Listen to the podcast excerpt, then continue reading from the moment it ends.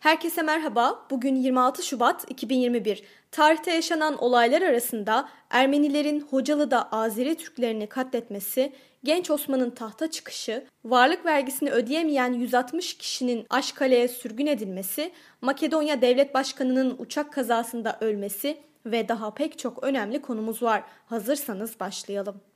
Dünya tarihinde bugün yaşananlar 1870 New York'ta ilk metro çalışmaya başladı.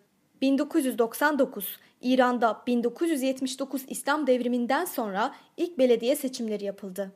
2004 Makedonya Devlet Başkanı uçak kazasında hayatını kaybetti. Türkiye tarihinde bugün yaşananlar 1910 İstanbul'da ilk solcu dergi İştirak yayımlanmaya başladı. Dergi Hüseyin Hilmi tarafından çıkarılmıştır.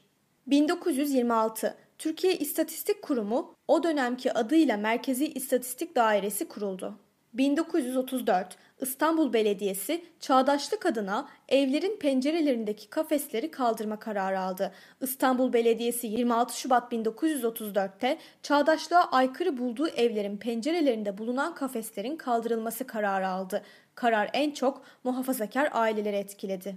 1943 varlık vergisini ödeyemeyen 160 kişi Aşkale'ye sürgün edildi. 1992 Ermeniler Hocalı'da Azeri Türklerini katletti. Azerbaycan'ın Dağlık Karabağ bölgesinde Hocalı kasabasına 26 Şubat 1992'de baskın düzenleyen Ermeni ordusu kadın, çocuk demeden önlerine geleni katlettiler. Azerbaycan'ın konuyla ilgili açıklamasına göre katliamda 613 kişi hayatını kaybetti. Bugün doğanlar 1802 Fransız yazar Victor Hugo dünyaya geldi. 1928 İsrailli siyasetçi Ariel Sharon doğdu.